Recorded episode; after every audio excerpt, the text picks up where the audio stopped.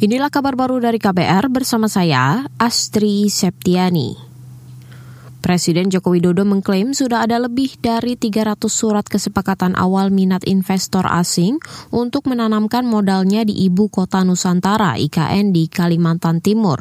Namun menurut Presiden, belum ada kesepakatan yang direalisasikan. Kan sampai sekarang sudah lebih dari 300 LOI yang telah ditandatangani. Saya kira itu agak setiap hari akan tambah terus, tetapi memang sampai saat ini yang real untuk memulai memang belum. Tetapi dengan apa tumpukan LOI sebesar itu masa satu aja enggak. Presiden Jokowi menambahkan, saat ini pembangunan proyek IKN akan mengutamakan investor dari dalam negeri.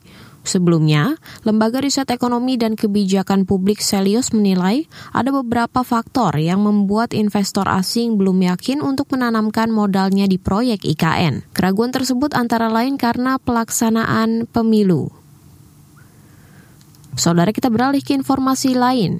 Besok DPR mengagendakan rapat paripurna pengesahan usulan Panglima TNI pengganti Laksamana TNI Yudo Margono.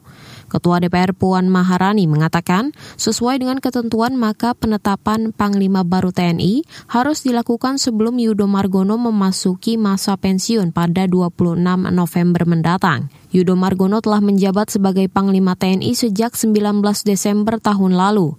Dikutip dari Antara, rangkaian agenda serah terima jabatan Panglima TNI akan dilaksanakan di Istana Negara Jakarta Rabu lusa pukul 10 waktu Indonesia Barat. Kegiatan itu dirangkai dengan upacara serah terima jabatan Panglima TNI di Plaza Mabes TNI Jakarta pukul setengah dua siang. Dilanjutkan dengan acara pisah sambut serta tradisi pelepasan Laksamana TNI Yudo Margono.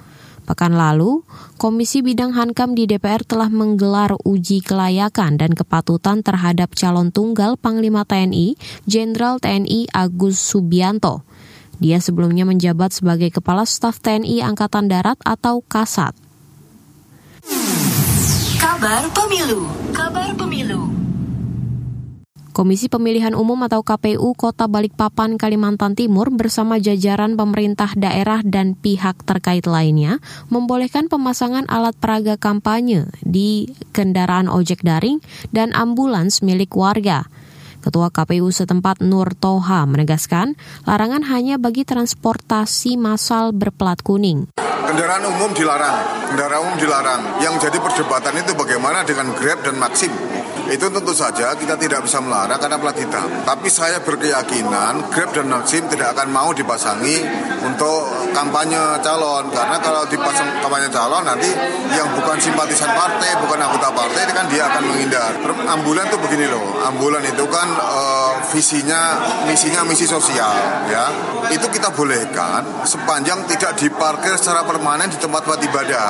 Ketua KPU Kota Balikpapan Nur Toha menambahkan, ambulans warga yang dipasangi alat peraga kampanye dilarang parkir permanen di tempat-tempat ibadah. Nur menjelaskan, tempat ibadah, fasilitas pendidikan, dan lingkungan pemerintahan terlarang dipasangi alat peraga kampanye sesuai dengan peraturan Komisi Pemilihan Umum.